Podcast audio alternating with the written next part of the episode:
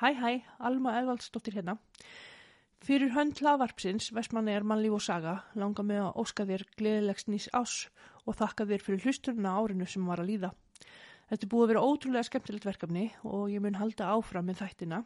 Reyndar hefur verið einsminsliðs því að mínir frábæru vinir Henrik Ingi og Snorri Rúnas og sem eru einni kennarar mínir í hlaðvarpsfræðum örðu frá að hverfa í sumar vegna tímaleysis.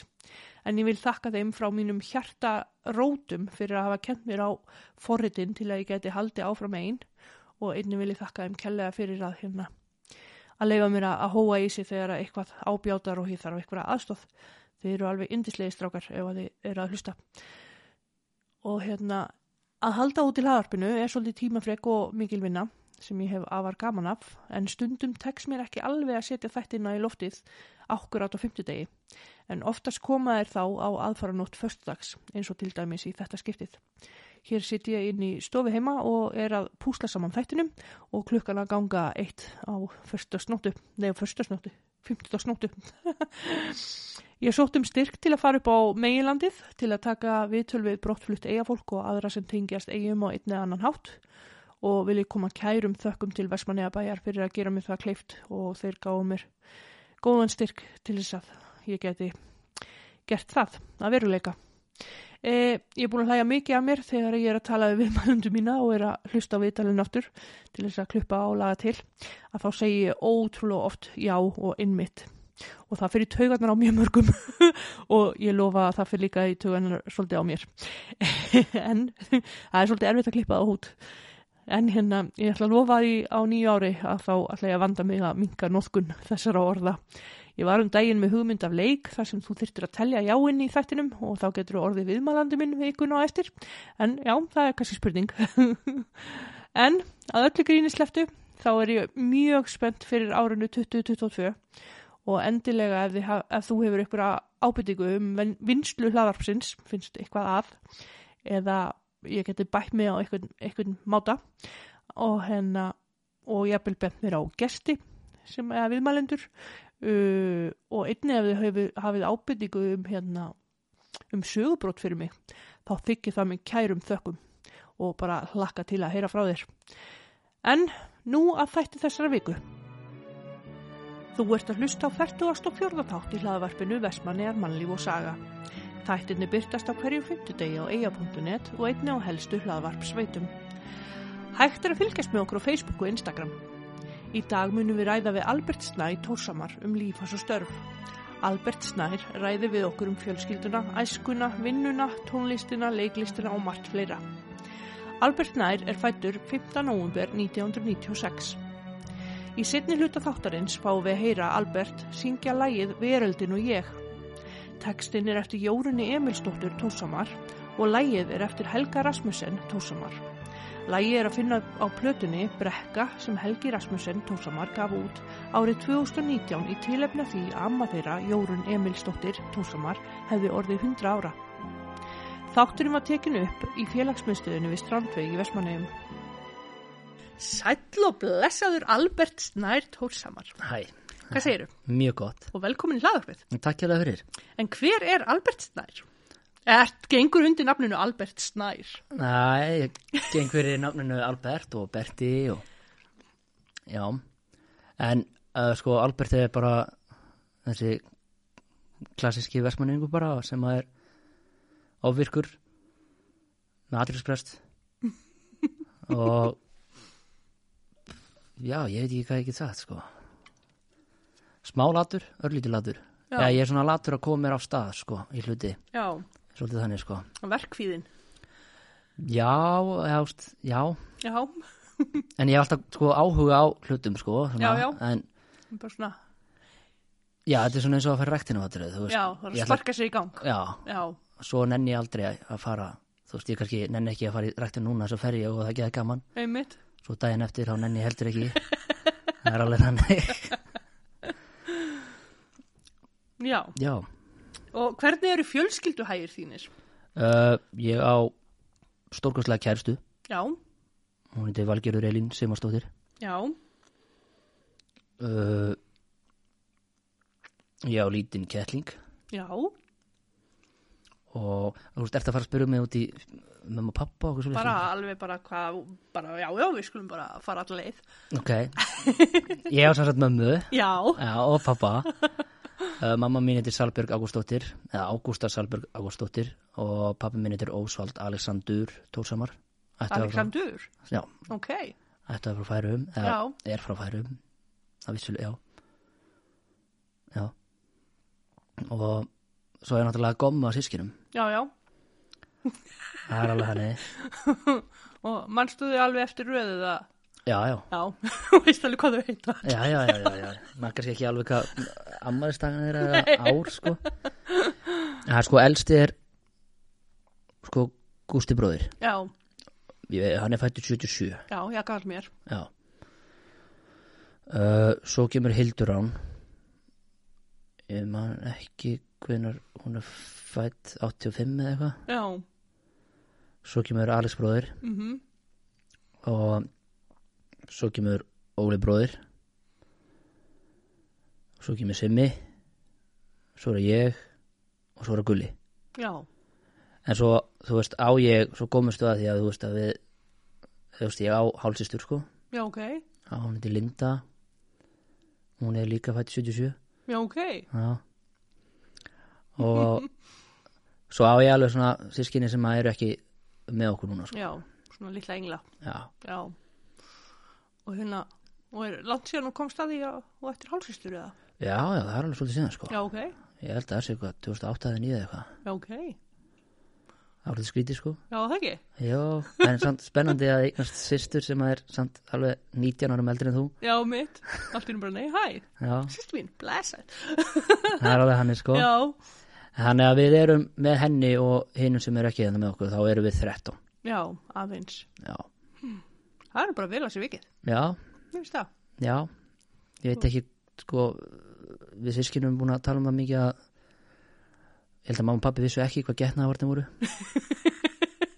Eða voru það til, það Já. að segja. það er spurning, það er Já. spurning, Það er alveg hann já, en semur ykkur vel, Já Mm. Þú veist, það er náttúrulega en í svona stóru sískinu hópi þá samt myndast oft ágreiningur og, já, já, og svona og það hefur alveg verið fíla og svona mm, en samt alltaf í endan verum við alltaf svona okkur náttúrulega þykir alltaf, alltaf væntum hvort annað og já, svona mitt, þannig að þegar að á, reynir að þá, Já, þá er það alveg góð við hvort annað, já, já, þú veist, við erum alveg Já. í svona sambandi sko, en Já. þú veist, við erum ekkert eitthvað það er ekkert allir í, þú veist, eins og ég er ekkert í jafn miklu sambandi við þennan og, og ég við þennan og, nei, mitt, og svoleiðir sko nei, nei, bara eins og fylgir, Já, já, algjörlega, en er ekki svolítið skemmtilegt að eiga svona mörg sískinni, jú, það er það já, það er sko eins og þú veist þegar maður þú veist að eiga til mér sem svona marga stóra bræður sko mhm, að maður var alveg látin friði í skólanum þegar maður Já. var yngri það er rosa hendugt, já já það er alveg þannig sko en það getur líka verið vesen sko já, sérstaklega kannski fyrir mömmu og pappa sko já, eiga svona marga stróka, já og bara einar stelpu eða já já, sem að þau alveg upp sko já, það er svolítið magnað. já En hvernig barn og úlingur varstu? sko barn var ég sko ofvirkasta barnið á, í fjölskyldinni Ok, það var þannig að þú veist þegar ég vaknaði á mótnana þá var ég syngjandi og dansandi og hlaupandundum allt og, já, og allt svoleiði sko á meðan hinn er voru að deyja bara úr svefni sko það bara þreytu og, já, öllu. og ég var svona já, mjög ofvirkur uh, alltaf hress einhvern veginn og já, mjög hlýðin og svoleiðis mm, og en svo þegar ég verð úlingu þá náttúrulega er ég ennþá jafn ofvirkur alltaf mm en þá breytist þetta sko mamma sagði að, að, að sko að upp þar sem hún, hvernig hún ól okkur upp það breytist hjá okkur öllum eftir fermingu sko já, að þá byrjuðu svona mjög mikið svona prakkarstrik og svona vesen og svona já, þú veist eins og eins og að fara í yfirgefin hús já, fiskiðuna og alls konar vitleysu bara já. Er það ekki bara eðlilegt hjá krokkum? Það er svona skoðan ágreinsvitt og... Jú ég, ég, Þú veist, mér finnst það allan að þú veist, ef ég sé, þú veist, ég nefndar ef ekki sé krakka gera þetta núna sko, en þegar maður sé krakka vera eitthvað að snáðast ykkur staðar, þá svona, þú þú veist, ég skil alveg af hverju fullunafólki var á öskramann, sko, ef maður Já, var já. eitthvað grunnsalegur staðar, sko, af því maður vissi ekkert hvað þau var að gera einmitt en þú veist en já, hvað, þú veist, svona krakkar læra bara svolítið að því, þú veist að sko, ég held að sko, sem mér er alveg sama ef að þeim stendur yfirgjöfu hús sem er ekki minnum gluggum eða neitt Mhm. Mm. að krakkar fara hann inn og skoðu og svoleiðis Já, já, en kannski hræðslan við það er ef að eitthvað slasa sig eða kveikir Já. í óvart eða eitthvað Já. svoleiðis sko. já, verið eitthvað prakkarast eitthvað einum móf kannski inn í húsunum já, Já. sem getur verið svolítið hættulegt sko. einmitt það er nú alveg eðlilegt held ég að maður hafi smá svona forvitni og já, aðeins kíkja ég gerði það allavega já, já, ég held að sko, allan að ég og vinahópur minn voru rosalega duglegir í þessu sko. já, og bara eins og þú veist við sískinu mínu sko vorum rosalega sérstaklega bróðum minn sko, hann Óli þetta var rosalega mikið sko við bara gerðum rosalega mikið af það sem við vildum af því að þetta var sko það var svo mi- upp, uppeldi okkar var svo mikið frelsi sko já en það var alveg út af þess að tíma sko mm en á meðan kannski hini fengu að vera úti til átta fengu við að vera til tíu já, og alveg svoleiði sko já, já, Þú veist, alinn upp af hippum og svona einmitt þannig að en það var alveg svona slatti sko ég er að reyna að hugsa eitthvað svona spes sko sem maður gerði sko já, þetta er eins og já þegar ég var úlingur ég veit ekki hvort að það, þetta verði eitthvað mál ef ég segi þetta en við já við hann buða það bara út ef þetta er eitthvað já já ok við hann allan að ég og eitt félagi minn við fundum svona björgunabát í svona í svona hvítu innsiklu drasli eins og er og Helgi, já og við vissum ekkert að meðlega hvað það var og þá bara var spott í þessu og við fórum að toga og toga og toga og toga og spotti var endalaus já, svo enda með því að kemur bara þessi svaka kvellur og bara skýst upp í loft allt í einhver appisínugulu belgur sko það var þetta björgunabátur og allt eitthvað svoleiði sko Já. og við fórum inn í það og tókum blís og og línubissu og eitthvað og pappi var alveg brjálað og kom með þetta heim og tók þetta á okkur og fórum þetta með lögustöðu og já svona vesinn og svo var eitt yfirgefu hús hana sem að var hana að þetta var gullt lítið hús sem stóð beint á móti flamingu já, já, já, já, já. og rífaði núna Mm það var engin gluggi í einum, hana, í einum þú veist það vantaði glugga Já. hana. og við fórum þar inn ég og eitt félagi minn og það var hellingur að drasli bara mm. allt í rusti, það náttúrulega bjóð enginn annað en eitt já, sko, já, einhver málverk og einhverja, þú veist svona pípur og alls konar dót og Já. við bara fórum að ferma það bara yfir til pappa sko já, allt svo leiðis rugg sko hann náttúrulega alveg brjálæður einmitt það var ímislegt sko já, nei, nei, þetta er nú ekki neitt eitthvað skammastrygg þannig að þetta er nú bara forvinn hjá krökkum já, ekkert svona alvarlegt Nei, sko ekkert alvarlegt. Þú voru ekkert að skemma neitt neitt eitthvað brjóðlega nei, fyrir utan þegar var við ákveðum að eigðalegja rafmagnið í efstu hæðin í öllum grunnskólanum úlíka deildinni Ok, þá var það eitt fjölaði minn sem að ætlaði að vera á sniðu og að færa eitthvað yfir eitthvað í tölvu og eitthvað svona, eitthvað að tengla og eitthvað já, og hún sprakk og rafmagnið bara af og var þannig hálfan daginn æjæj. já. Alltaf, var- ég held að þá að hann er svona klára virki eða, ég veit ekki hvað hann ætlaði að gera sko nei, það var kannski ekkert, á, að hafa ekkert ásendingurinn að eðilegja rafmagnið, það var bara eitthvað að laga þetta eða, Já, ég veit það ekki, sko. ég veit ekki hvað hann ætlaði að gera sko. En þetta var alveg þannig sko. Já. það var svona við vorum svona villinganir í í þessum, sem sagt, svona, þessum árgangi þannig séð, já. Fóstu oft í skólastjórnans? já, Já, mjög oft varstu mikið skammaður í hvert skipti? fyrsta skiptið, Nei, bara, veist, í hvert skipti sem, já, sko mm, sko, ég fór yfirleitt út í slagsmálum, sko, já, ok, það var alveg þannig sko. en, já, já ég var alveg oft skammaður og var reikinn úr skólanum minni sinni og já, ok. mátti ekki mæta á litlu jólin og eitthvað svona, sko En hvað hérna út og hverju varstu alltaf í slagsmálum? Ég veit það ekki, ég bara einhvern veginn bar með þannig og svo var þetta bara orðið svoleiði sko Já, og já. náttúrulega er alveg, eða var sérstaklega þegar ég var yngri með rosalega stuttan þráð sko já, og hefur bara alltaf verið þannig að ég er svona ef mér finnst eitthvað sko sérstaklega verið yngri, ef mér fannst eitthvað verið að segja eitthvað niðrandi tímin eða eitthvað Mhm. svoleiðis, þá bara svaraði ég já, hvort sem það var með orðum eða höndunum pátur já, já, einmitt, en í dag þá er þetta svona að ég býð og ég Já. veit að heldur áfram Já. eins og eitthvað vinnufélagi er að segja eitthvað og svona, já, já, að bara en að heldur áfram áfram þá enda með að ég segja eitthvað en ég er ekki að fara að berja neitt núna sko nei mitt það er alveg hann sko já, nei, en jú, eðlilega getur maður að vera bara með stuttan frá því að vera eitthvað að nýti mann já, sérstaklega líka að þú kemur eins og við talum á hann og svona sískina, stórum já, sískinahópi sko algjörlega, það sem er alltaf verið að stríða og já, alls konar svolítið þannig að maður verður alveg nett tæpur sko einmitt það er alveg hann já, algjörlega en hvernig fannst þér að alast upp í eigum? mér var svo bara geðvikt Mm, mér var svo ógstlega gaman já, sko bara, já, þú veist það var bara eins og við segja, þú veist það var mikið frelsi og við sko, þegar ég er allast upp þá búið á heimagötu 28 mhm, og það er beint á móti náttúrulega bara risa brekka og það er bara raun og eitthvað mhm þannig að maður var mikið að leika sinni í náttúrunni og svo sko já, og og já, þetta var bara mérst það æðislegt sko, það er svona mikið svona að ég veit það ekki, þetta er bara eitthvað svona ef maður hugsa út í það, miklu meira öryggi hérna einhvern veginn finnst mér heldur einhvers þar annar staðar eins og í bænum eða eitthvað svoleiðis sko já já, og hefur búið eitthvað stöðar annars þar? ég veit, já þegar Ósvald bróðu var veikur þá hérna byggum við einhvern tíma í Reykjavík Já, eða ég var tveggjara eða eitthvað já, menn ég man ekki hversu lengi það var sko nei, nei, þú varst það ungur að þú mannst Man- ekkert eftir því bara. nei, Nei. En hérna, finnst þið lífið hafa breyst mikið síðan að þú varst ungur? hjá mér þá eða Eða bara hérna í eigum, þú veist, ef Já. þú horfir á úlingana í dag, já, algjörlega sko mm. eða krakka úlinga.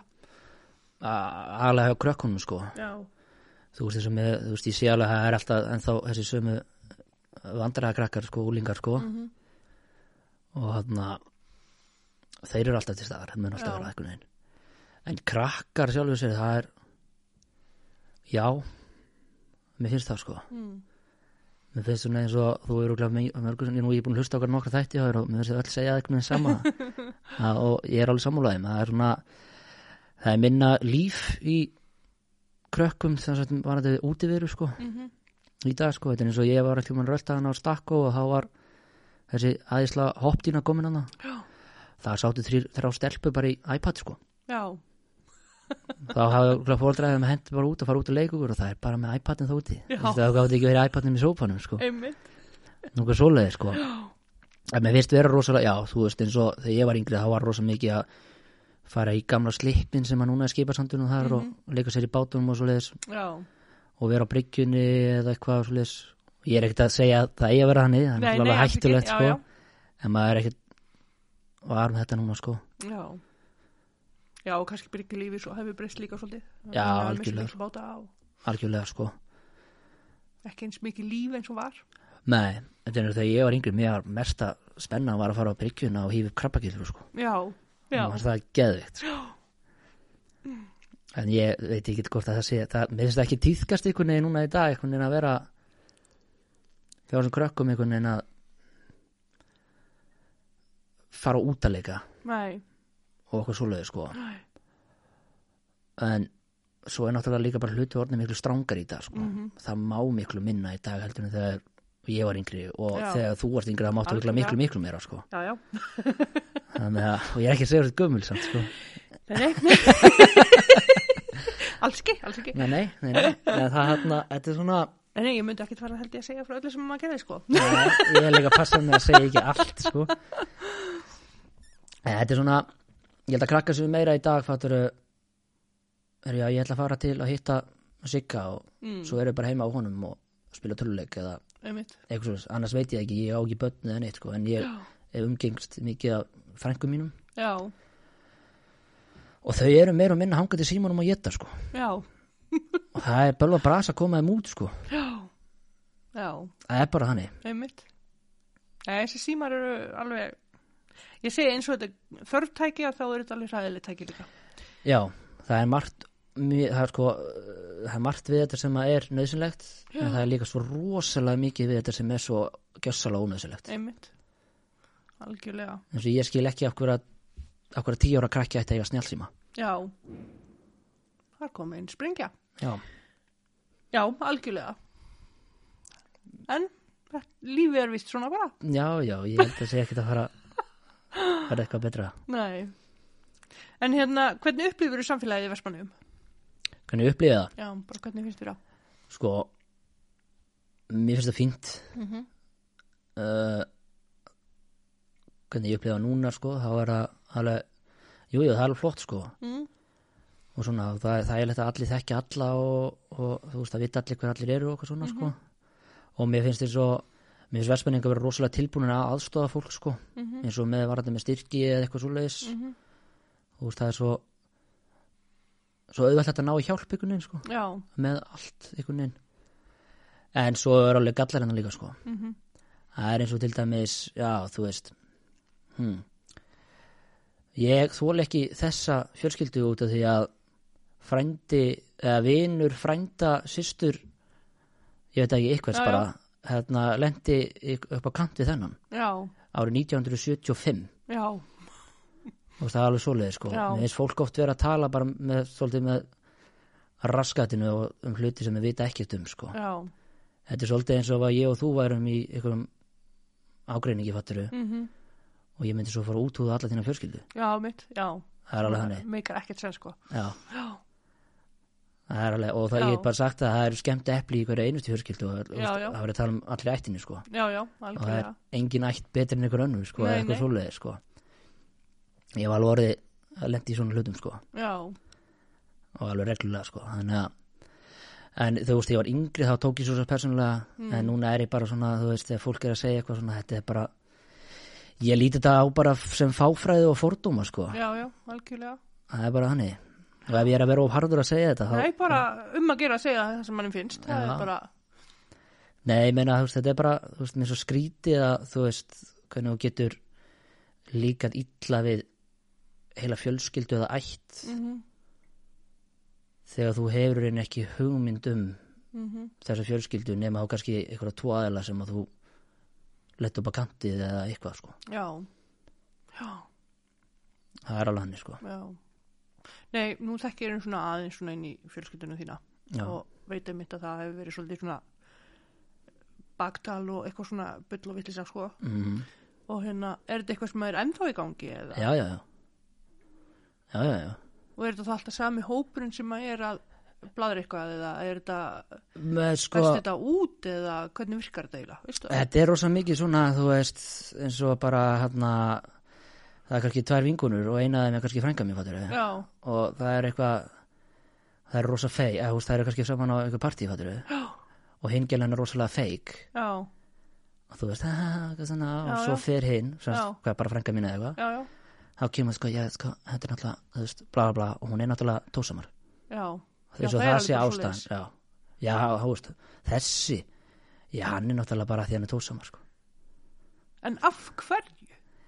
ég, sko, ég held Hvað að kemur grunnurinn? ég veit það ekki, sko, ég Af því að minna, fólki þetta er bara mjög hæfileikaríkt og flott fólk, sko. já, já, þú veist, og líka með þess það sem ég er besta við þetta er að við erum ekki eins og næðis sko. við Nei. erum ekki eins og við, og við spáum ekkit í öðru fólki, sko, Nei, einmitt. þú veist eða ég hef allan ekki, jú, jú, þú veist, það er náttúrulega allir hafa baktala eitthvað en eitthvað tíma, Já, já, en við, svo ég best viti þá erum við ekki að útúða heila fjölskyldu eða eitthvað svoleiðis nei. sko. og ég held Nei, að og þetta sé maður gerir bara það bara ekki almennt. nei, alls ekki og þú veist, og ég get bara sagt að ég er mjög hreinskilin manneskja og ég held að þetta sé bara og ég er alveg stundu svona skuggalega hreinskilin Já, svona hættulega hreinskilin ég má stundu passa mig hvað ég segi sko já, en ég held að þetta sé bara afbreyðsimi af vissu leiti -hmm. Mhm. og bara að ég mér finnst þetta svo mikið kvara sko með uppeldi af fólki kannski eins og afi þennans mm Mhm. -hmm. lendi kannski á kanti við eitthvað árið 1970 og eitthvað Já, sem já. það. og þá af því að hann þólar hann ekki, þá þólar sonur hans hann ekki já, og svo heldur bara svona og svo er keðjuverkandi. batni hans Já, og ég veit alveg um atvik sem er svo liðs já, bara svona keðiverkandi bara. já, Bara gengur í ættir. já, þetta er bara Eins svolítið og það svoleiðis. er fáránlegt. já, já og ég veit ekki hvort þetta sé eitthvað svona þú veist, hvort þetta sé, þú veist að það var eitthvað vesinn á þessari fjölskyldu í gamla dag eins og mörgum öðrum ættum hennar sko Já, já, og þú veist, og ég veit bara meina að þetta fólk sem að í gamla dag þetta var fólki sem átti skemmtilegasta lífi sko já. Lifið Í- lífinu. já, í raunin heldur hann að sitja bak við eitthvað, ég veit ekki Já, sjónarpið bara. Nei, já, eða bak við skjöpborðið eða eitthvað sko. já, algjörlega. Ég Nei, held að- og, og eins og ég segi, þú veist, allan að þessi, já, ég þekki nú að held ég til svona meiri hlutan af fjölskylduninni að já, þetta er bara allt mjög hæfileikaríkt og, og bara indislegt fólk, sko. já, já, Þannig að ég er einmitt alltaf mjög hissa þegar ég heyra þetta. já, já, þú veist ég eins og ég Og ég seg- er eins og ég segi, ég, er bara, ég er mjög hissa að þetta sé bara ennþá í, við líði, sko. Ég Já, held að þú þetta var löngu dött. Ég tek minna eftir þessu núna sko Já, en, en það er ekkit rosalega langt síðan sem ég fekk að heyra já, ímislegt sko en Já. það er svona já eins og ég segi, þetta er bara fáfræðu og fórtumar Já. það er bara ekkit annað sko þetta er eins og bara með rasisma fattur einmitt, algjörlega. Já, þetta, þetta er bara svolítið þetta svolítið. er bara jafn heimskulegt Einmitt. það er bara þannig. algjörlega Nei og líka bara, veist Já, og ef ykkur er að hlusta sem að finnst þetta að vera bara eitthvað að skýta pakki í þessari fjölskyldu já, Já, þá já. bara um að gera að kynnast þeim og sjá hvað þetta er frábært fólk já, það er bara algjörlega sko Já. þú veist, algjörlega sko ég Ég, ég hef ekki á móti neinum hérna allan Nei, og ég, ég, ég bara ég, eins og ég segi, ég bara, ég skildi ekki ég er ekki að sjá hvað það er sem er svona ræðilegt við ykkur, sko Nei, ég ekki heldur, ég veit ekki okkur þetta er sko Þannig Ég held að þetta sé bara eitthvað svona sem að að eitthvað frá, hafi gerst fáviska í gamla daga og eitthvað sko Já, Það er náttúrulega fylgdi þessu sko þessari fjölskyldi í gamla daga svolítið svona svona alkoholismi já, já, fattarðu? en það er í mörgum fjölskyldum Já, ég, sko, það er bara staðrind að það er bara í að það er alltaf einn svona svartur söður í öllum Já, já, fjölskyldum sem að fellur fyrir þessu sko já Einmitt en ég veit ekki ég, Nei, en bara Takk fyrir að opnaðum þetta Já, ekki, ekki máli, Bara- það er bara fínt að bara fínt að fólk aðeins fá að líka bara hugsa sinn gang Já, og bara þú veist, gefa fólki tækifæri, ekki bara hlusta á það sem að mamma þín var að segja eða pappi þín var að segja um þennan og þennan. fattar þú? einmitt bara Þú veist. kynstu því á eigin beini Já, algjörlega. algjörlega en hérna, já förum aftur í spjallið Já, já. hvað finnst þér einkenna fólk sem að er frá eða býr í Vestmanniðum? Engina, Mm. sko, vestmannir eru náttúrulega, ef við varum þjóð, sér þjóð, þá erum við stoltasta þjóð í heiminum. það er alveg hann. Og þetta er náttúrulega, það er rosaleg svona íþróttagræta hérna. Mm -hmm. sem er líka bara allt í lagi sko. en þetta er svona eins og já, þú veist svona ég, ve- ég, ég veit það ekki þetta er bara eitthvað svona sko mér finnst- þú veist það þekkjast allir einhvern veginn mm -hmm. veist, það er eins og þú fer bara þú veist eins og þú fer til Reykjavíkur eða útlandað okkar þú mætir einhvern versmanningi ég var alveg lent í að vera á Spáni og ég mætti hópa versmanningum sko, Mm. sem ég þekki já, og maður bara svona þú veist að ég veit ekki, það er bara hvað fólk er ánægt með að vera versmanneðingar sem Já. er bara frábært, af því að það er stórkostlegt að vera versmanneðingur já Erst þú stoltur Vestmanniðingur? já, Mm. ég er það, Já. algjörlega sko. Ertu með einhverju að tauga til færa? mm, já, þú veist, mér langar ókslega mikið að fara hangað, ég hef Mhm. aldrei farað hangað Hefur aldrei farið? nei, ég er mjög lélugu færingur Ok. það er alveg hann sko. en já, mér langar að fara hangað og mér langar alveg að prófa að flytja hangað og búa þar sko. Já. að ég sé marga myndir og fengi að heyra ímislegt sko og svona Mhm. og ég þú veist, ég er með myndir að færa um og svona heima á mér og svo liðis Mm. og ég einhvern veginn finnst mér eins og ég s- hef verið þar sko Já. einhvern veginn, þú veist þannig að já, ég er alveg með sterka tenginga þegar svona Mm -hmm. þangað sko Já, þrátt fyrir aldrei verið þar einmitt. en ég bara veit að þetta er svona stórkustlegu staður og, Mm og svo liðis sko Já. En hérna, talar þú færisku? já, ég kann eina setningu Já. að segja hana við þið Ef hún er ekki dónuleg. Nei, nei Það gæti verið móðgæti fyrir suma kannski en, en það er hann að Tú loikist akkurat oinar í haftisku Og hvað þýð þetta? að þú lítur út eins og skötusilur Hvernig segir þið skötisilur? Haftaska, Haftaska. já, Þetta er fyndið. já En skemmtilegt Þetta er skemmtilegt. Ég er mjög fljóta að pikka upp tungumál, en færiska er bara eins og ég veit ekki hvað fyrir mér, sko. Nei, Þetta er eitthvað sem ég næ ekki. nei sem er skrítið að því þetta er svona íslenska og danska einhvern veginn fyrst með blandar saman Já. með dans af ykkur um reym ykkur neginn. Já, það er- það er heimurinn eða eitthvað sem að ég bara Já. er ekki að ná, sko. En, já, ég fyrir kannski bara í færisku skóla þegar þú ferð til færiða. Já, ykkur fara saman til Fæ ég færa. að búa í, í, í einu herbyggi og Já, já, það er í færisku skóla svo förum bara til færa. til fyrir hana. Um, mér líst vel á það. Já. En hérna, hvenær byrjar að vinna og hvar? Sko, ég byrjaði að vinna fyrst og þá var ég átt ára eða 9 ára Mm, en ég veit ekki hvort að þetta telja sem vinnu sko. en þá vinnu var ég var ég eitthvað tvær vikur eða eitthvað Mm. að hjálpa að salt sem sagt, að salta svona yfir saltfisk já, ok, hjá Óle Gísla frænda mínum í hérna fiskimarkaður, heitir það já, fiskmarkaðanum. Já. Já, og hann borgaði okkur bara með kók, prunspólu og pulsu sko. já, ok, og, sem var mjög gaman sko. já, og mér varst það alveg geðveikt sko. já, en hvernig ég svona byrjaði alvörunni að vinna kannski, þá veit ég ekki en ég byrjaði jú mann ekki hvað ég var gamall en það var gámafélagið mm, þú veist ég náttúrulega fór í bæjavinnuna, það er náttúrulega ekki vinna sko, já, já, fyrir mér bara eins og allir krakka fóru í. já, já, Það er þú veist flestir. þetta er alveg nöðsilegt fyrir krakka að læra á þetta sko, ég Já, já. lærði alveg á svona þú veist, jú, jú, þetta er alveg vinna jú, jú, jú, ég er að bulla henni þú veist, en þetta er svona það er engin að fara að haldast í þessari vinnu, fattur Nei, mitt, það er ekki græs nei, en að þú veist, ég fór í það þarna og svo var ég í gámafjörlæðinu og var þar ykkur tvö, þrjú sumur eða eitthvað mm, í ruslinu og okkur svoleiðis það var ógislega gaman mm. Það er erfiðisvinna, er það ekki? jú, hún er svona, jú, jú, jú þú veist að móka skurð og móka í kringum ykkur lögn og, og, og svo ertu hlaupandi allan daginn og dragandi mistungar ruslatunur og, Mhm. og þú ert eiginlega í kappi tímana því þú ert því fyrir þú búið með þetta, þá mátt bara fara heim fattur Fyrir mitt, það er alveg hannig já, já, og svo hérna svo hérna vá, ég er búin að vinna á svo mörgum stöðum sko ég hef búin að vinna ég veit ekki hvernig röðin er nei, nei, það skiptir yngur. en ég hef unnið í bónus og ég hef unnið á sjó nú var á sjó í hvað átt, hálft ár, áttamánuð eða eitthvað sem sem eitthvað Mm. Hvernig var hægstu það? Sko, mér fannst það fínt þegar sko, þetta var svo skrítið að því að sko, ég var alltaf sjó ykkur fyrsta sólaringin, Já, sama kvennar sko einmitt, og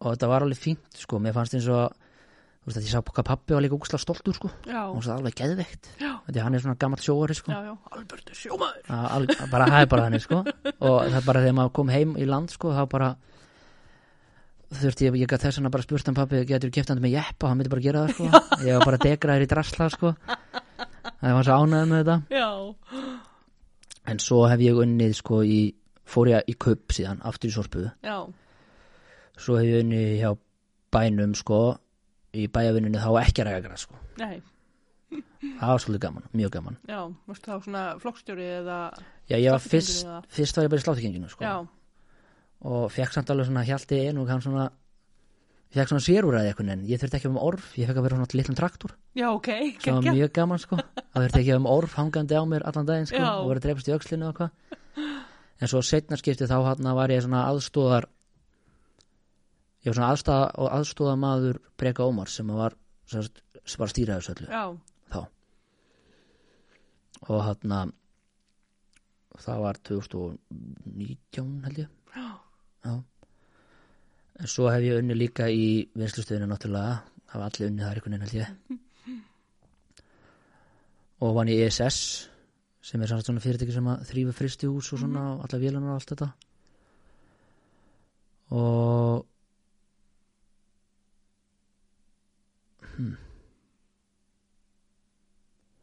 svo enn einum, En einum, já, Já. algjörlega, en einum, en einum, það var gaman.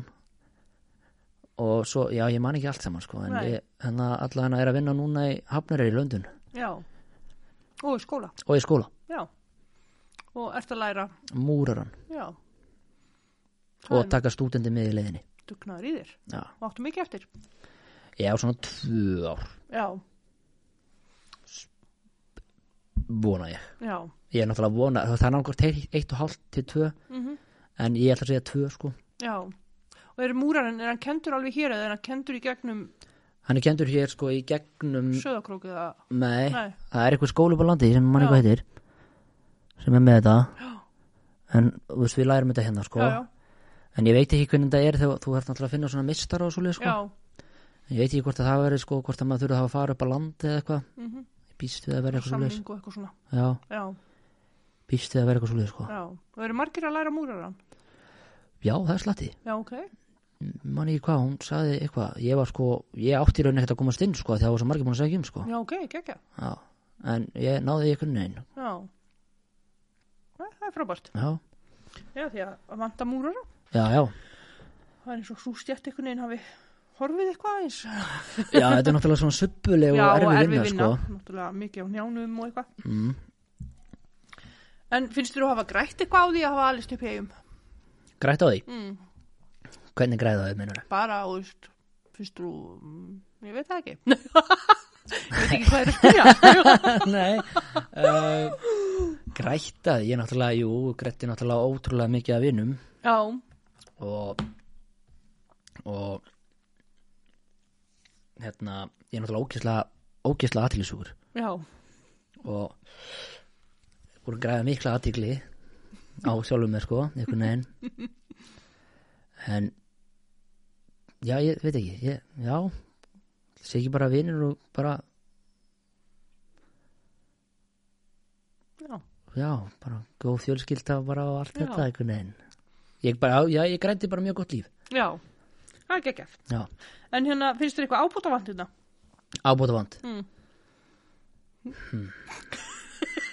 er alveg heitt listi að fara í gegnum hausina þér. Það er náttúrulega rosa mikið, en sko, ég ætla að sleppa þessu pólitíska, sko, Mm. eins og með spítalun og allt þetta, sko. Já, Uh, Það fyrst með, sko, eins og kom að ég áðan, sko, þá er rosalega mikið svona íþróttagræta í vatsmannu, mm sem er allt í lagi. En mér finnst líka alveg að þetta vera, að þetta vera hægt að gera eitthvað meira fyrir, sko, eins og með svona listalega síð, sko. eins og með myndlist allt svo leis, ég veit að þau eru með aðstöðu hérna í þessu húsi sko, já, já, allt svo leis og en eins og með tónlist og svona reynda sko, vantar kannski eitthvað svona meira fyrir krakkana eða svona yngra fólkið. já, Já. eitthvað svo leis sko, það er náttúrulega miklu auðveldara fyrir mig sem þú veist 25 ára stráka mm. sækja um eitthvað svona eins og fá að spila tónleikum hérna Já, halda já. tónleikum í höllu eða eitthvað svo leis heldur en kannski litla 14 ára stráka grúpu fattur Einmitt. eða eitthvað svo leis Já, já, og að mér finnst eitthvað svona bara það ætti að vera meira opið svona menningarlegu list einhvern veginn fyrir fólk í versmannu sko. Mhm. algjörlega sko. að þetta snýst rosalega mikið um fyrst mér bara handbólta eða fótbolta og okkur svo leis, ég veit ekki hvað er mikið að til fótboltavöllumennar sko, já, já, sem er alveg ágætt sko, en eins og til dæmis bara eins og ef eitthvað myndi bara, þú veist, að halda meiri, þú veist, eins og meira svona tónlistar, tónlistarskemmtun og eða eitthvað svoleið, sko. Mhm. Eins og ef eitthvað myndi koma með hugmynd bara, þú veist, að, ég veit það ekki, það er náttúrulega til rosa stór flott húsina, að vera með listasýningu og eitthvað gjörning og, og eitthvað tónlistatrið, allt á sama staðfattur. Mhm. Það er rosa gaman. mhm. Mm Hvað er ennþá betra að vera listasmiðja? Já. Þú veist, með, þú veist svona, eins og svona, eitthvað svona fólk getur komið og skapa sína hluti, þetta er, Já, algjörlega. hvort sem það er tónlist, leiklist, myndlist eða eitthvað, sko. Mm Mér svo ætti, mætti vera meira af því og meira svona, meiri tækifæri til þess að fólk geti kom- komið sér fram, fattur. Já, Al, það er bara allan tíma þannig, sko. já, við erum alveg samlega þar. Og svo finnst mér líka alveg svolítið faralegt, sko, með þarna að, að, að eiga fólk, tónlistamenn í versmanniðum þurfi að hafa fyrir gett mikið að fá að spila til mér svo þjóðutíðið að góðslökum úr sliðis. Já, sko. Þú veist, mér finnst þetta nú að vera meira svona sjálfsæður hlutur að styrkja sína, sitt fólk, sko. mm algjörlega. En það finnst mér. Já, getur vel verið að ég sé að tala um eitthvað bull sko en þetta er allan að svona sem að ég er svona já, Er- sem þú hefur upplifað. bara, Já. Þú veist, já. Já, já, en ég veit að þú veist, þetta er fólki í bæjarstjórnin er allt frábært fólk og allt þetta sko Mhm. og, og svona sko og eins og ég sagði það er alltaf tilbúið að hjálpa á þessu leið sko Mhm. en mér finnst alltaf augun vera svona meira að íþrótinni sko já. sem er ekkert síðra sko, það mætti bara með þess að ef á að einblýna á eitthvað eitt þá sérstakt vatur, ef á að hjálpa íþróttin endalust Mhm. bara þá finnst mér allt í lagi að þetta hjálpa öðrum líka sem það er kannski, af því það er fyrt ekkert allir íþróttir sko, Nei, nei, það er bara málið. eða eitthvað svoleiði sko Já. og mér er bara sama hvernig listin er sko Já, þú veist, þetta er bara svona ef þú hefur áhuga á að gera þetta þá, þá ættir að fá tækifæri til að gera það einmitt. Algjörlega. Alveg sammálaðir. mm. En erstu með ykkur hugmynd til að efla samfélagið? hugmynd til að efla það Já. Ef þú fengir að vera innræðisherra í Vestmannaugum. Nei, einræðisherri í versmiðum ég væri til í að fyrsta sem ég væri til í að væri, að væri til meiri götuskreitingar á jólunum já, ég er mikið jólabat sko já.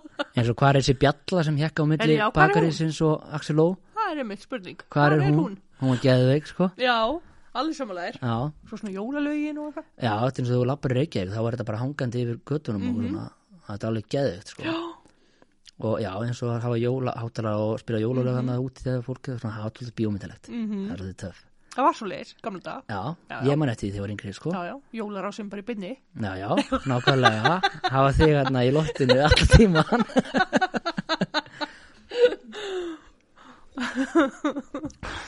en ebla Mm. um, ég veit það ekki mér hefur svona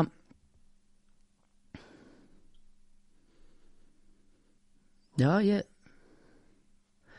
þú veist það væri allt í lagi til dæmis að gera eitthvað hægt að hann hægt að gera meira en það Mm svo keiluhöll, Já, eitthvað skemmtigarð mm þú veist eitthvað svoleið sko Mhm. staðan til að búa til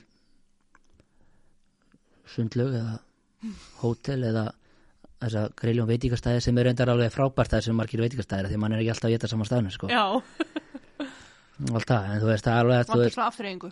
já, þú veist það vantar svona meira sko, af því það er ekkert nóg að geta bara að fara í bíó og svo leikúst tvisar ári sko Já, og fara í tónleika bíhöll mm. noksunum sko já, svo þetta verður hægt að vera að gera meira sko já. eitthvað svona sérstaklega kannski eins og meira líka fyrir fólk sem að kannski er ekkert mikið fyrir að tjama og drekka og svolítið mm -hmm. það er einhvern veginn er það bara svolítið þannig að þegar fólk er að fara á tónleika og svolítið það er bara svona að þú fer ekki á tónleika nema þetta er í það sko Já, þannig að og það var ekki eðvett bara að geta komist í keilu eða eitthvað svolítið sko. já, svona þegar þú lappar inn í hana, hvað heitir þetta, smáralitina er ekki eitthvað skemmtikar það núna, er hann hættur Jú, hann var allan, ég veit ekki hvort sem að þá. já, en það var þetta er flott, Já. Já, já, gera eitthvað meira fyrir fólki þannig sko, mm -hmm. þess að eða það finnst mér sko, mér Mhm. Já. finnst svona, mér finnst að það er oft svona mér finnst svo allt, það, fúst, klukkan 11 var allt lokað einhvern veginn, allar sjoppur lokaðar mér finnst það náttúrulega algjört bull, mér finnst sagt að við allan að sjoppa eða búið en það sem er kannski opinn 24-7 sko, já, að það er alltaf einhverjar hræður, hræður sem er svona náttúklu sko, sem að, já, og er að vinna á nóttinni og eitthvað svona. já, það er þessi fólk sem er nættu eftir svo leið, svo kannski bara sár svangt fattur við, Mhm. Já, mér finnst að þetta vera alveg, þú veist, þetta er á minni sveitafjölum heldur en þetta sko já, já, þannig ég skil ekki akkur ekki hér sko já, og mér finnst bara svona að þú veist þú kannski, kannski ég veit ekki, kannski, það- kannski þriðu dagur eða eitthvað og þú er búin að sjá myndina sem þú s- er í bíó og sást henni í gæðir sko og þú er ekki að fara á hann aftur og hvað það er að gera það er heima að horfa á Netflix, búin að horfa á allt á Netflix einmitt. Og er fínt að skella sig í keilu og, já, fara í keilu með hópnum og já, eitthvað svoleiðis, það væri, þú veist, fólk myndi græða á þessu já, fara síðan eitt, klukkan eitt í búðina og kaupa sér eina pítsu og hendi í ljóp þegar þú kemur já, heim. nákvæmlega, þú veist eitthvað svoleiðis það er meira að hafa smá líf líka sko, Já, nei, veist það já, já, þetta er orðið svolítið, þú veist, þú ert bara, þú veist, ok, í fyrsta lagi þú veist, náttúrulega með þetta herjulúdæmi þú veist, hann náttúrulega hættir að sigla hann á okkur ákveð tíma sem er bara skilnulegt, fattur Mhm. Já, hann já. getur ekki verið að sigla allan sólaringin en, og þá finnst fólki oft svona eins og það sé innilokað hana já, hvernig heldur að þið líði fólki sem að gemur hana sem að er, þegar er ekkert opið eða neitt, fattur já, það er bara svona, og ég er ekki að segja að keilahöllinni hefur opið bara langt fram á nóttu, nei, nei, það mætti kannski vera um helgar eða eitthvað mhm, en ég veit ekki hversu oft maður hefur bara orðið bara þunglindur að því að vera bara að keira alltaf saman ringina og það er ekkert að vera þetta sko. já, og ekki manni skjóti. Nei, Mhm. Já, já, það vantar smá líf Ég er Já. alveg sammála því En hérna, pílu, já, púl mm, allt saman bara já En það er nú komið píla og púla á lundanum eða ekki? Já, en það er ekki allir sem vilja endilega kannski eins og fólk sem að drekkur ekki eða eitthvað Nei, nei, svo er er það ekki að líka. sækjast í það Já, já, og yngri krakkanir náttúrulega komast ekki þar inn. Já, líka Algjörlega. En hver er uppáhald staðurinn þinn í eigum? Já, á eigunum. á eigunum, Mm. sko ellari Já. Ég hef einu sinni farað þangað og það var það skemmtilegasta sem ég hef gert Mm. Það var hann, við varum ættum út í hana Já. og Helgi frendi, hann hennar náttúrulega með tengsli út um allt sko. Mhm. og hann græjaði þetta fyrir okkur og við fórum hann og það var svo gott við líka Já. þetta var hann að, þetta var 2019 Mm. já, sumari 2019, það var hann um góðsloka helgina Já, ok. og fórum okkur, það var steikjandi hiti og eitthvað og þetta var svo geðvett að geta skoða eitthvað aðra eigu það þú veist, Já. þetta er eina eigin sem ég hef farið út á fyrir þetta náttúrulega heimaði sko. Já, já. mér finnst það alveg geðvikt og svo er það hann að hvað heitir sér fjara hann að bak við eldfell, heitir hún ekki prestafjara eða eitthvað, Jú, hún er alveg geggjuð já. svolítið löngleg og erfið leið að fara hanga Mhm. en mér finnst hún alveg stórkúslega sko Já. og en svo að fara í hérna páskahellir og allt þetta og yfir allt þetta nýja hraun til að komast þangað sko Mm Já, ég allan að fóðir það að leið, það eru auðvitað til önnur stittri og betri leiðanga en já, mér finnst það alveg geðið sko. Já. þessi tveir staði sérstaklega sko. Já. en svo er það náttúrulega, þú veist svona náttúrustæði, sko. en annars er náttúrulega bara heima sko. Já. Algjörlega. og svo er alltaf gaman að fara upp á fjöllinu og okkur svolítið, sko. Já. Þeim Mikið að- náttúrubann. ég var það rosalega mikið þegar ég var yngri sko. Já. og ég er það alveg ennþá en eins og ég sagði það, hann voru svolítið latur að koma af stað sko. og það er einmitt það góð við að, þú veist, eins og kærsta mín hún er rosalega svona aktív og drífandi sko. Mm þannig að hún kemur mann alltaf á stað einhvern veginn í svona Já. Sparkar í þig. já, Já. en já, það er, já aðalega þessi staði sko Já. Og hvað hérna, hvað, já, þú ert búin að segja okkur hvað þú ert að gera núna svo sem, en hvað ert að gera í tónlistinni? Herru, eh. Aha, já, það er sko, við erum hérna í hljónsetinni Molda, það er ég Helgi Tórshamar Birkir Ingarsson Mhm. og Dúni Lögga já, og þeir eru storkuslegir og frábæri og skemmtilegir og allt þetta og hérna við erum búin að gefa út þrjú lög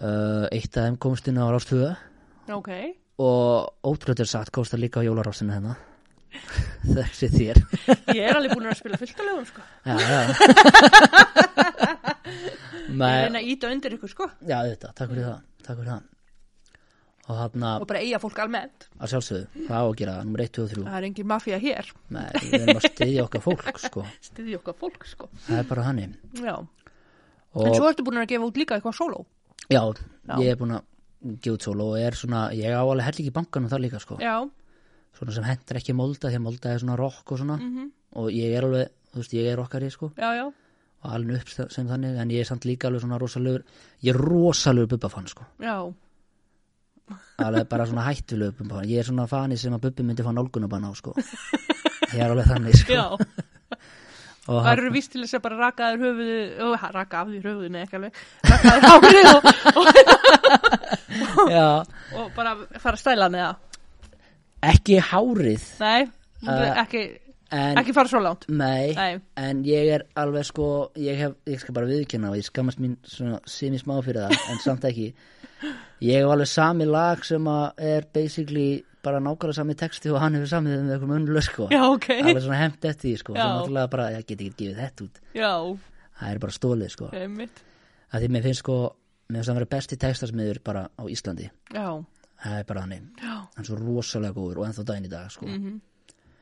Og ég leitast mest í textana hjá hann sko. já, Tónlistin er ekkert síður, hún er mjög góð sko. mhm, það er alveg sögum lög sem er svona þú veist, þegar þú ert svona mikið legend Mhm. þá getur ekki gefið út þá getur enginn gefið út slagar eftir slagar eftir slagar Nei, mitt. allan fyrirlisinn sko algjörlega en textan er einhvern veginn finnst mér alltaf geggjaðir Já, saman hvað laga er já, og ég leit og lít rosalega mikið upp til hans mhm, með mitt svona solo dæmi sko já, en ég er svona aðeins latar í því að því ég er meira fókusur á bandið sko já, að það er líka það gengur miklu betur í því sko mhm, búin að ná miklu lengra og svona já, og eins og með það sko þarna að við erum að fara að gefa út núna lag núna í vonandi lók janúar byrjun februar mhm, sem að er um Tyrkjaránið Já, ok, spennandi. Já, við erum í þessu sko, við erum Já, svolítið í, eins og hann að við sólarinn eld sko, það er samið um svolítið klöfina mhm, og öskraðu það er bara svolítið samið um ofsaveðrið bara einhvern veginn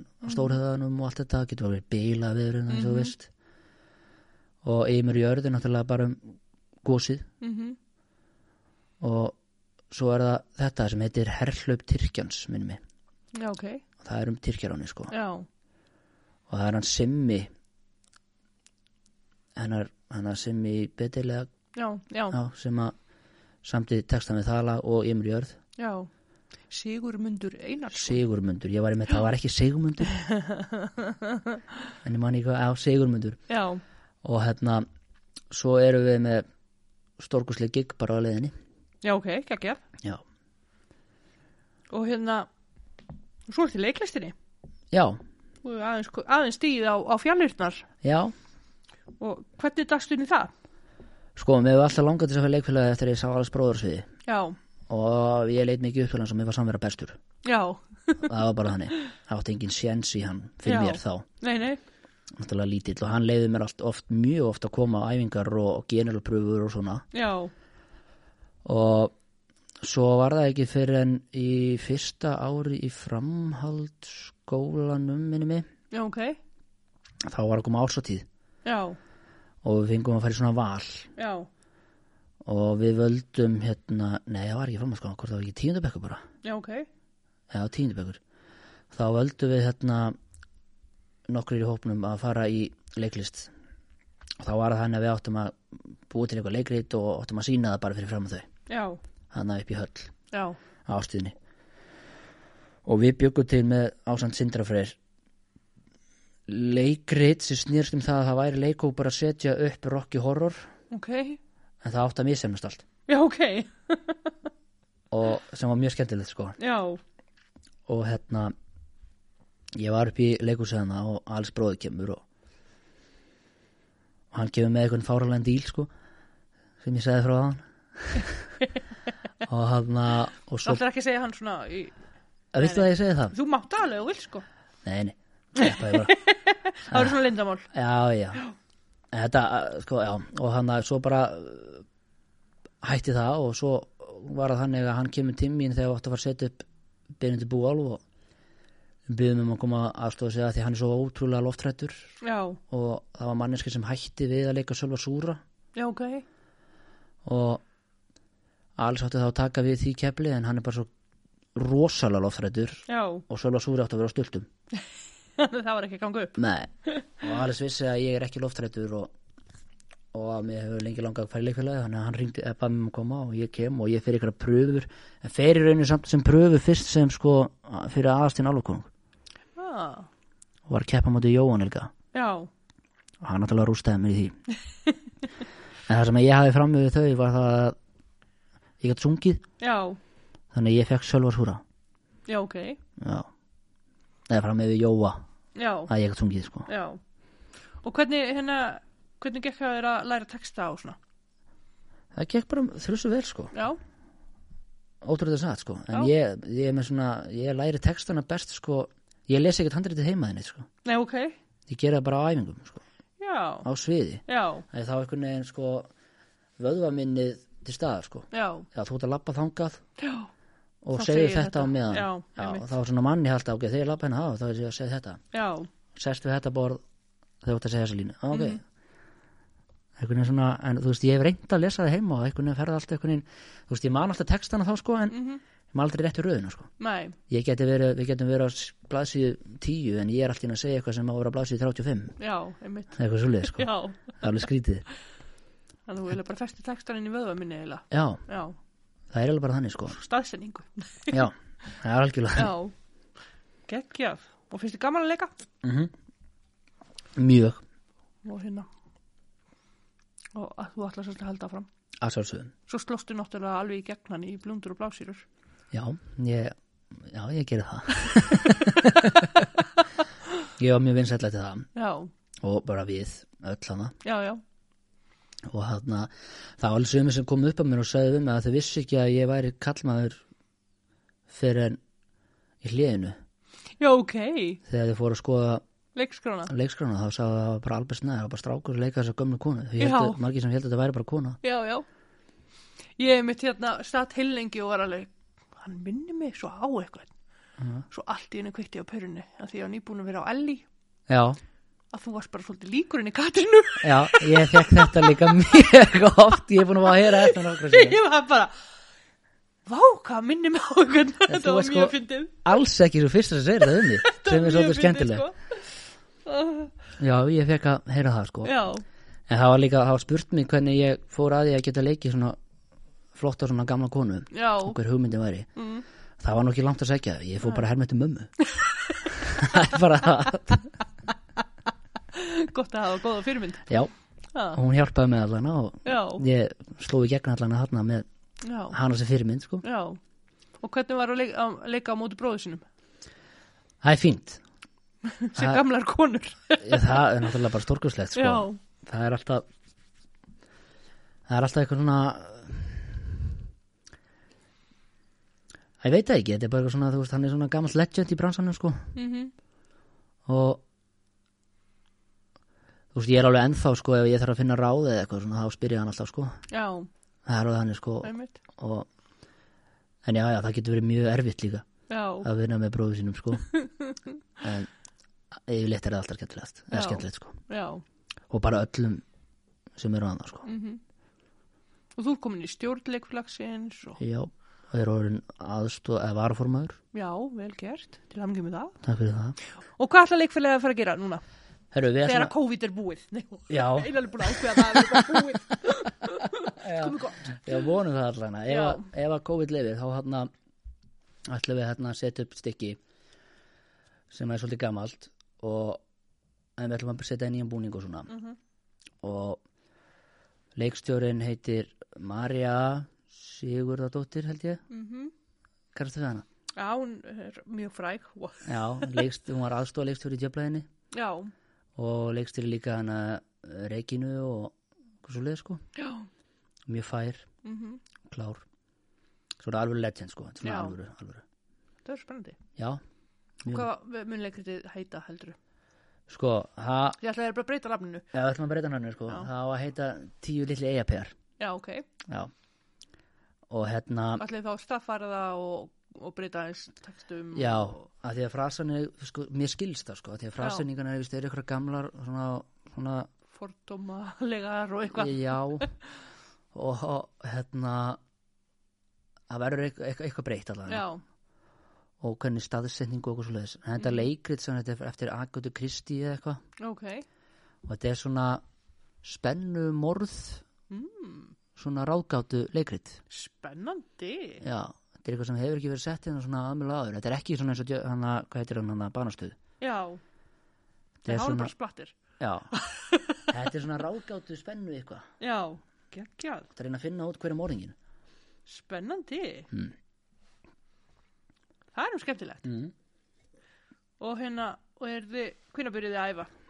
Ef að, já, allt gengur upp ég held að sé annarkot loki hann eða byrjum feb ok. okay. meðjan februar, ég man það ekki Já, það var eitthvað að bóra þetta já Þannig að fólk þarf að hafa opna, opin augu fyrir hérna kall í, í Já, flugvél. og já, og ég ætla líka bara með að nefna það sko, að það, sko, það væri frábært ef að, að fólk myndi koma sko.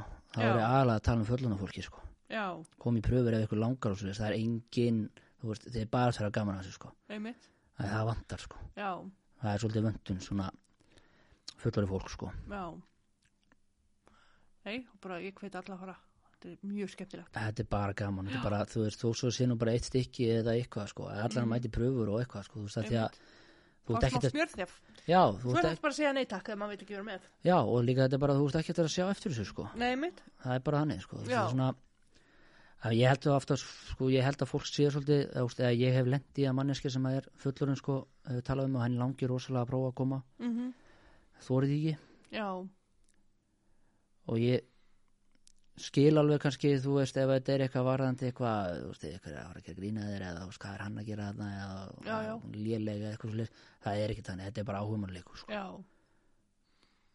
sko það eru allir velkomni sko já All, algjörlega það er bara hannig og þú ert bara að eignast nýja vinni og, og fjölskap bara og, Mm. og þetta er bara gott party basically, Já, þetta er bara rosalega skemmtilegt og langt og gott party, já, með engu áfengi. engu áfengi Það er Bara akkurat málið. skemmtilegu fólki. já, Algjörlega. það er ekki alltaf áfengi til að vera skemmtilega Nei. Nei, og svo er náttúrulega vanta líka alltaf í eitthvað í, í bakvinnsluna. já, svo er líka það þú veist að þó svo að þú kannski vilja koma í leikhúsi og þú eru ekki að leika þá getur og er kannski klári í ljósum eða hljóði eða smíðavinnu eða eitthvað Mm. þá það Svona er bara búninga eða fullkom- whatever. já, Smingi. Já, til dæmis, það er bara fullkomið það er það er hægt að finna þú veist, ef þú kemur og þó svo þú fáir kannski ekki hlutverk en eða langar en það að vera það Mm. þá Nóg er annað að ekkert gera. mál að vin- finna fyrir því verkefni sko, af því að þrátt fyrir að þú sér kannski bara ég veit ekki að, já, bara, þú veist að smíða Mhm. þó þú smíði kannski bara einn gluggabekk Já, þá já, ert þú jafn nöðsynlegur og aðarleikarinn sko, já, algjörlega. það er bara hannig Já. Það er ekki sagt, sagt að það að meira hlutin af þessum fólki, þessum leikurum kann ekki að smíða sko. það er alveg hannig sko. Algjörlega. En hvernig komst á þann stað sem þú vart á núna? Ég leikur svona þá. Já, og bara í lífinu, þú veist, tónlistinu og öllu, bara hvernig kemst maður til dæmis inn í hljómsveit? En í hljósveit, Mm. uh, það er náttúrulega fyrst og fremst að hafa gífulegan áhuga sko, Mm -hmm. og metnað. Og ég hef alltaf einhvern veginn frá því ég fekk fyrsta gítarinn í hendunum sko, eftir frá Gústa bróðum mínum að og fór að kynna svona alvöru tónlist sko. Mm. það var það um alvöru tónlist sko. en því ég var yngri þá var ég alltaf að hlusta á Crazy Frog og eitthvað svona rusl sko. en svo fór ég að kynna Bubba Mortens og Johnny Cass og Elvis Presley og ég er náttúrulega samt alin upp í Led Zeppelin og Rolling Stones og allt þetta sko. en spáði aldrei í því fyrir en ég var orðin eitthvað hvað, 10, 11, 12 ára en það hérna og svo bara, já, og ég, ég komst einhvern veginn í hljómsveita því að ég ákvað bara að ég ætlaði bara að gefa út lag Já, ok. ég fekk Helga frænda minna því ég vissi að hann kynni að taka upp og svo les Mm fekk hann með mér í það og hann gerði það og svo var það hann fekk mig síðan af því að hann sá að ég kynna að syngja Mm. og fekk mig síðan að syngja eitthvað lag fyrir sig sem er hann að fyrir sérst, hann bjóti plötu með lögum hennar ömmu Já, ok. já, með geggju plata Já. Hvað heitir hún? platan hans Helga heiti Brekka og er á Spotify þrjusugóð plata og ég syngi einmitt lagi þarna Verildin og ég Já, og hann fekk marga versmanninga til að syngja já, ég sé það. Einar sko Spotify með hann. Eh, sjálfsögðu.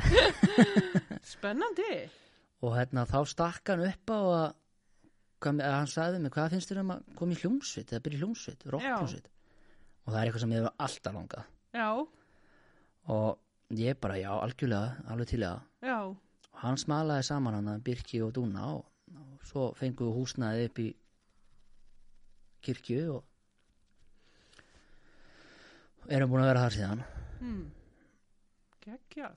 þannig að það var svolítið með hjálp hans sko. Já, hann sá eitthvað í mér sem að var stórkoslegt og mm. greinilega fleiri búin að sjá af því að Mm. ég er búin að, það er búið að ringi mig og beðum um að syngja inn á inn á lög fyrir sig og það er búið að ringi mig og beðum um að syngja á tónleikum og ok, geggjað. eins og ég var að spila á jólatónleikum núna hann að hláðbóru fyrir fyrirtækin Já, núna í desember það var mjög gaman með Pálma Gunnars já, ok, frábært. mm og svo erum við með gig á næstunni sko Mm. sem er þrjus og gott sko Já, það er í hörpu ok, skónrokkinu já, spennandi. mm.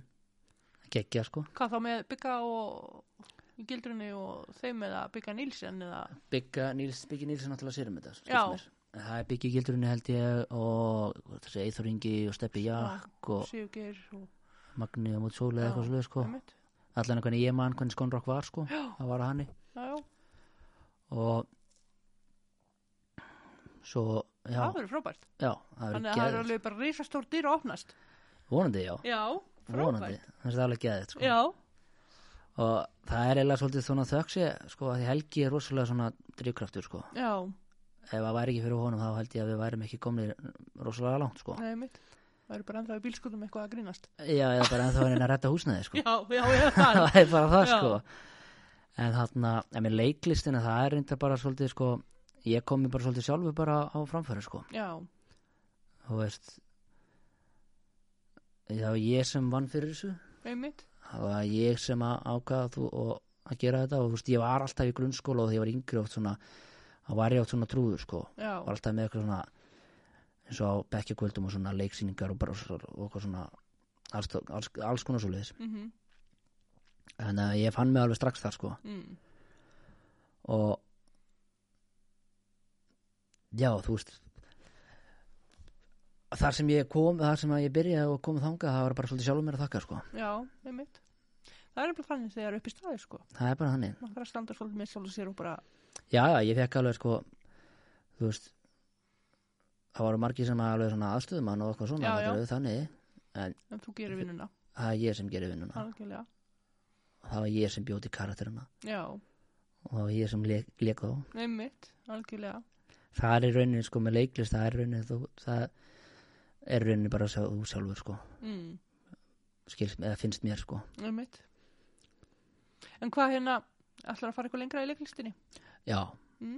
ég ætla í leiklistskóla já, hvort sem það er leiklistskóla í Íslands þannig eða kvikmyndaskóla ég hallast meira leiklistskóla í Íslands sko já, en sakir ekki að reyna sko, ég ætla ekki að gefast upp þar sko nei, nei bara um að gera mm. því að maður, víst, ég var um bleit sem kom í viðtaldi mín og hann saði úst að hérna að hann kemst áfram í lífinu með því að spurja já, og, úst, það er bara akkurat þannig sko þú lærir ekki neitt nema úr og spyrir verstafalagi þá farði bara nei það er bara svo leiðis það er bara akkurat málið Já. það má aldrei vera feiminn fyrir það bara geggjað, mm. spennandi já, verður gaman að fylgjast með þér í framtíðinni mm, takk Ha, fyrir takk fyrir það ég er bara býð spennt sko, getum við ekki bara spólað þess áfram Jó. drif í þessu en hérna, hvað gerir þú til gamans? hvað gerir mér til gamans? Mm -hmm. ég þurfa að spila rosalega mikið á gítar já, og sem tónlist mm uh, ég spila rosalega mikið með vinum mínum já, og svo leiðis svona borðspil og svo leiðis sko já og mér finnst alveg ógeðslega, ógeðslega gaman að fara til mér til Helga frænda því að við erum rosalega, við, erum rosalega, við náum vel saman eða svona búið til lögu saman og svoleið Já. sko. og allt þetta og já, svo er rosalega mikið svona bíómynda þú veist, eða mér finnst gaman að horfa á bíómynda ég veit ekkert um bíómyndi sko já, ég ætla ekkert að fara að segja það neitt sko og veit ekkert um leikara nei, en þannig nei, nei en já, það er eiginlega bara það sko og Já. vera bara með vinunum einhvern veginn og fjölskyldu eða, þú veist, ég er reyndar Já. ekki einn stuglar að vera með fjölskyldu já, Nei. en svona, já, mm. og er að er að var að flytja í nýja íbúð já ok til að mingi með það, það fyrir, var ekki að kaupa samt sko nei, nei, bara lega og já, mm. sem er frábært sko já þannig að það er bara spennandi tíma framöndan já, Og hvað, hérna, hvaða ráleggingar hefur fyrir þá sem hafa áhuga á að gera það sem þú ert að gera? Syngja og leika og...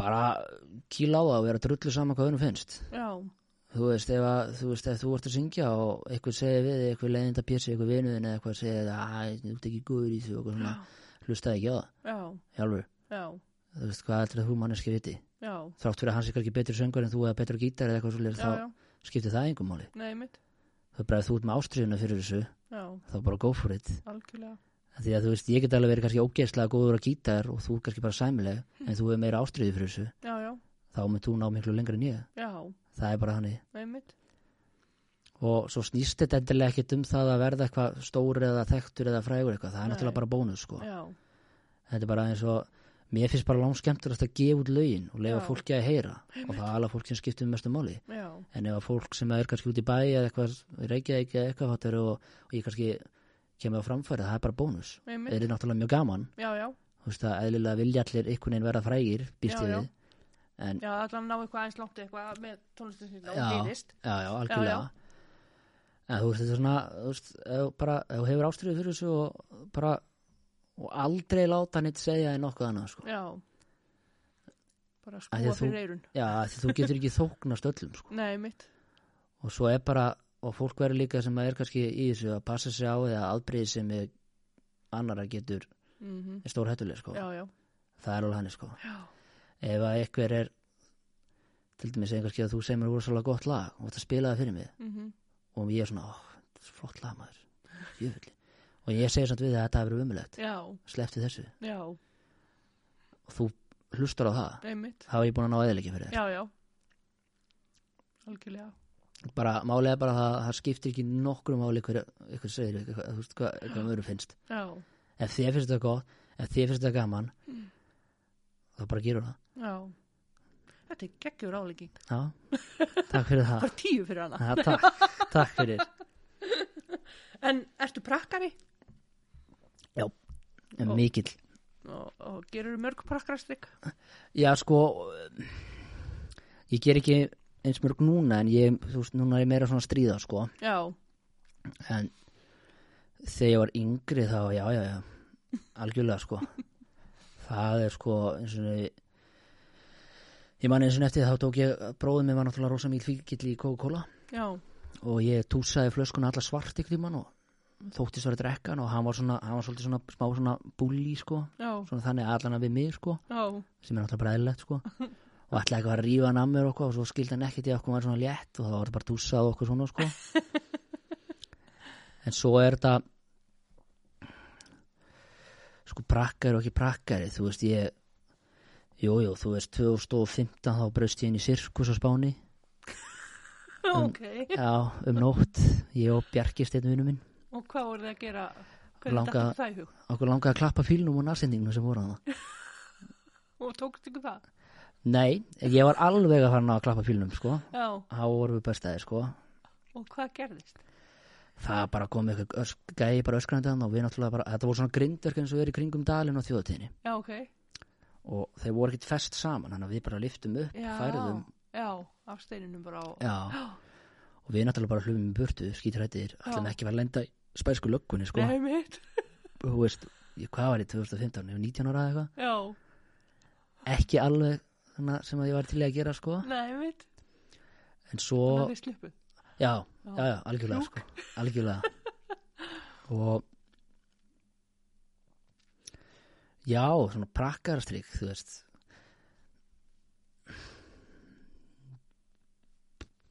já, bara, þú veist já, ég veit ekki, það það var mjög mikið, sko, já, rosalega mikið sem maður gerði, sko mm, svo bara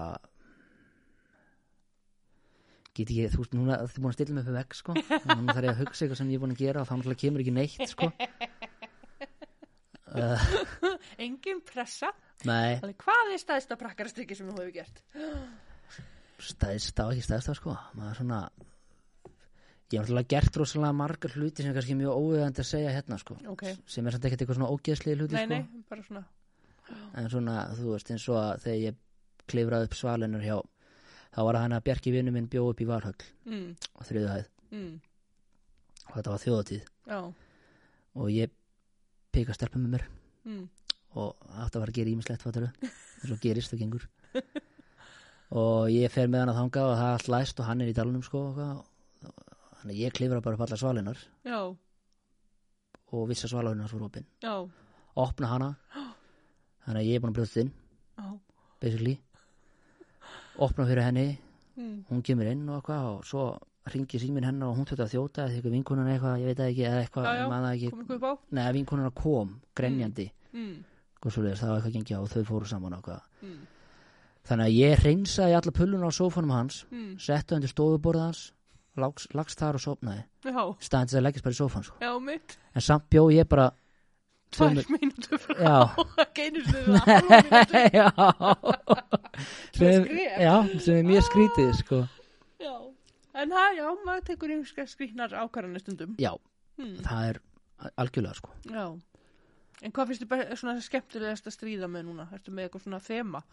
Þú veist, ertu að bregða eða ertu... ég er óslega mikið með svona bara búið til svona viðnumni sko. Já, ok. en samt bara svona sem að ná ekkert langt sko. Nei, nei, bara svona grín. já, bara Já, svona svona innan létt grín, hóps sko. já. sem að sko en ég er alveg þannig sko að ég sko stundum er betra að þegja Mhm.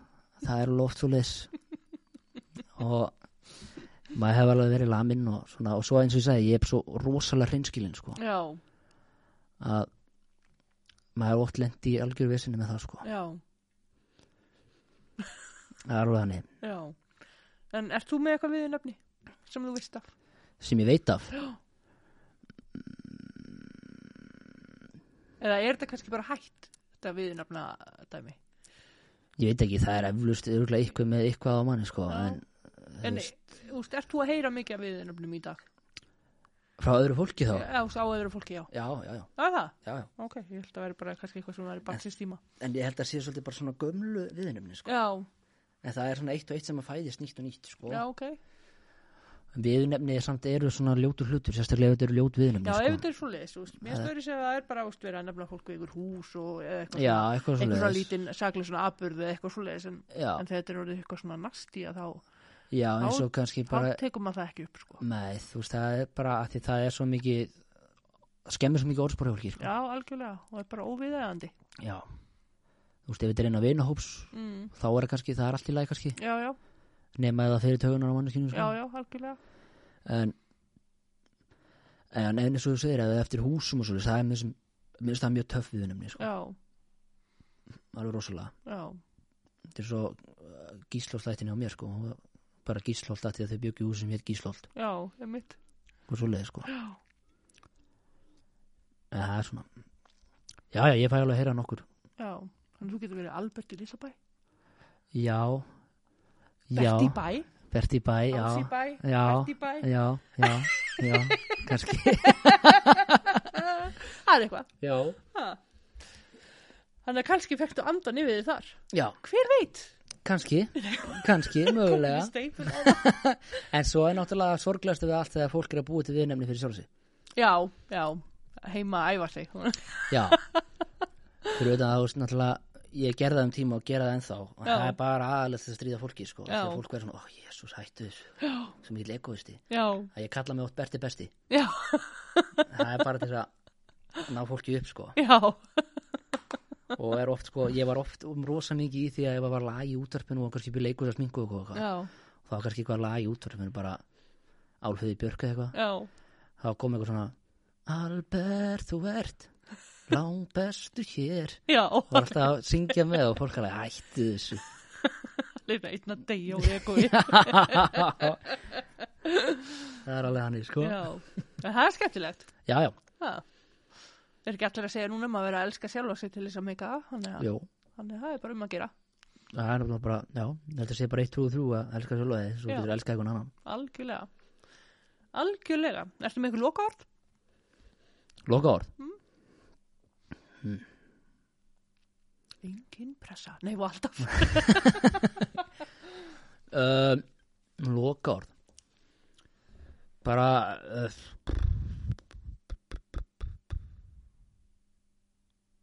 Ég ætla nú að spyrja einnig spurningu áður en að við lokum þessu ok, hérna brekka er samin af hvað það eru ömmu, eru lögin en ömmu textanir eru samnir eftir ömmu, særat mömmu pappa já, hann er jórunni en gaman en lögin eru saman eftir Helga já, og var hún sérst mikill textasmiður já, hún samdi til dæmis textan við þjóðtíðalagi sem þau gaf út hvað var 2003 eða 4 já, ok, hún samdi þannig að Lundi stendur vörð já, dunu, dunu, dunu. ok það er texta sko já, rosalega flotti textar þetta er svo veröldin, sem- hann að veröldin og ég sem að ég söngan á þessari plötu já, þar heyrir að hún er svolítið að hún, það er greinlega að hún er eitthvað reyð út í veröldina sko, já, út í alheiminn sko Af því hún er svolítið að gefa honum fingurinn sko já í þeim texta sko já, sem er vo- rosalega flott lög líka já, textan er geggjaði sko spennandi ég ætla að fara og gúska þessar plötu já, ég mælu með ég bara var ekki búin að heyra þessu Nei, enda líka, ég veit ekki okkur að hann, hann þú veist, það, að því hann er svo færið í að auglýsa hlutina sína og svolítið sko, og Já. er rosalega klári í öllu sem hann gerir sko. en Eins og svo með- kannski þetta bara færi fram með mér það vita kannski allir af þessu allir en ég Ég, ég samt held ekki sko, nei einhvern veginn fyrst mér. Nei og líka því ég hérna fór á Spotify og googlaði úst Helgi Tórsumar til að reyna að sjá úst lög eftir hann og, og þá úst hann er ekki titlað nýtt með þeim sko Nei. þannig að þessi plata kemur ekki upp Nei, ég held að sé líka sko, ég held að sé ekki minna hann singula held ég, ég held að sé allt bara plötur sko, þannig ég held að þurfa að finna plötu heiti eða eitthvað heiti á okkur lagi til þess að finna lögin. Já, en oftast kemur úst, ef þú ert undir þá kemur það upp. Já, reyndar, jú, það er alveg rétt. Já. En ég, já, jú, En já, bara um að gera fólk. Kíkið á hérna endilega, brekku. endilega. Nú er ég bara konið út af sýtal. Svona sér í beinni. Alveg skrúa sig úr jólarásinni og yfir í podcasti. Yes. Þannig að já, þetta er spennandi. Já, Hmm. þetta er bara, ég er allan að mjög spennt fyrir þessu ári, Já, bara 20-20 mun rokka. mm, allan tíman. Algjörlega. Það er með svo gott logo bara. Er Það ekki? Já, Kemur ég bara með það. bara takk kærlega fyrir spjallið. já takk æðislega. Og ég fæ að pikki í þið þegar þú stóran heimsfrægur. Jeps, Ha? ég skal gefa þér svona backstage Já, pass einhvern veginn. geggjað. Fæ ég alltaf að vera nummer eitt. Já. Geðveikt. En hérna, eitt í lokin. Já. Ég fæ kannski síðan að spila lægið ykkar þegar þið eru búin að gefa út Já, í podcast, podcast þættinum. já allan tíman. Hmm, geggjað. Kemur ykkur á fráfari. Yes, Bara takk kærlega. takk hérlega fyrir mig. Áður en við heyrum Albert syngja, þá ætlum við aðeins að kynnast ömmu hans. Jórun Emilsdóttir Tósamar var fætt á Þórarinstaðareirum við Seyðisfjörð 21. januar 1919. Hún lést á hraumbúðum í Vestmanneum 18. júli 1997. Fóreldra hennar voru Emil Theodor Guðjónsson og Guðni Helga Guðmundsdóttir. Alls átti Jórun 11 sískinni.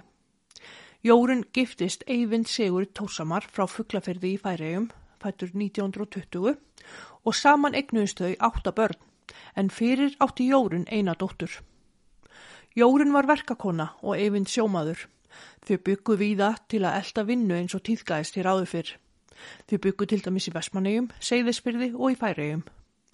Nokkrum árum eftir að Eyvind lést 1976 þá tók við mikið flakk hjá Jórunni og bjó hún ímist hjá sískinum sínum eða börnum í um 20 ár.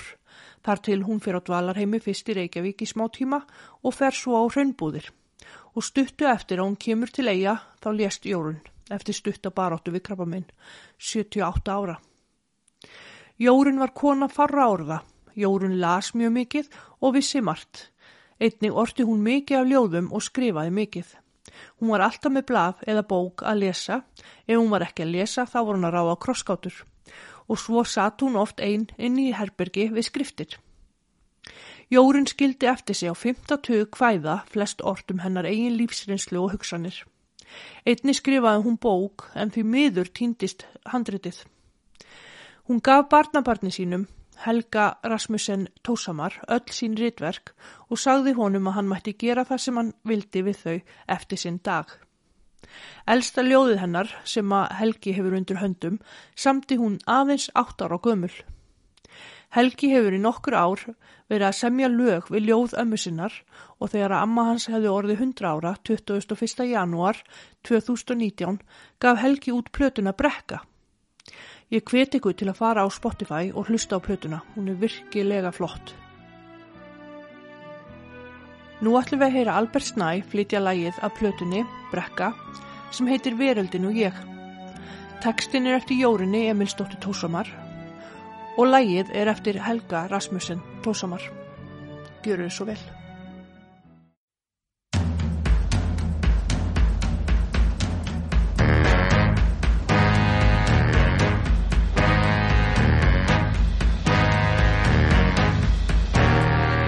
Lostfagra veröld í ljóma þínu Ég dáðist þig í draumum mínu Ég held þú uppfylltir óskir mínar Rúðir beinar, brautir þínar Þú lagðir á fótum mér fjassjóði þína Ég tók nefa bylli í hendi mína Ég ljög mér af þínu Lísi og klingri Það spratt blóð úr hverju Einasta fingri Veröldin Og ég Veröldin Og ég Þú veittir mér sá sem sviðu og brunnu Sindirnar út úr höndum þér unnu Ég drakk mig fullan í freyðandi víni Ég held að sá eldur aldrei dvíni Þú lættir í byggarinn beiskum tárum sem bugu sviðan í opnum sárum Þú gafst mér ótal uðna stundir en slóst mér jafnmargar blæðandi undir Verði mér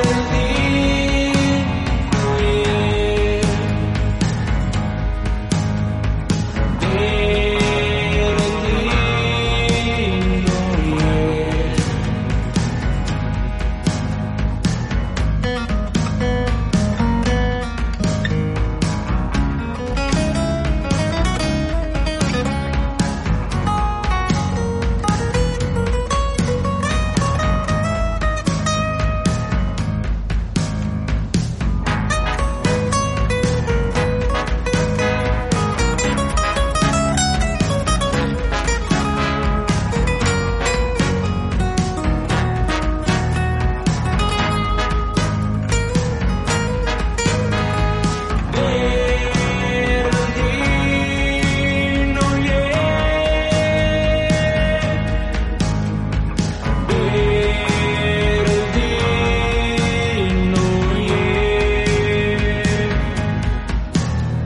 Ég annöldu skrautin og startinu þínu En hata þig þó innst í hjarta mínu En drekk ég að dreyjum þínum Þó dreyrin liggur í sporum mínum Fer hérðan burt með fingurna brenda Þegar skákin loks verður teldað enda Þökk fyrir allt ég er þreyttur að lifa Þakkir með blóðinu mínu ég skrifa Er þín og ég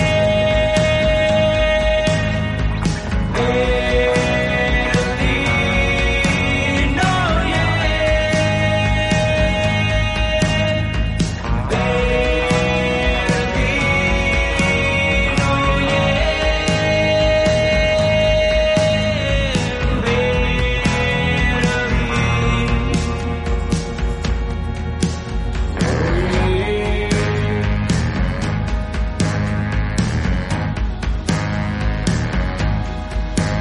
Ég hef klifið björgin í klettunum ræð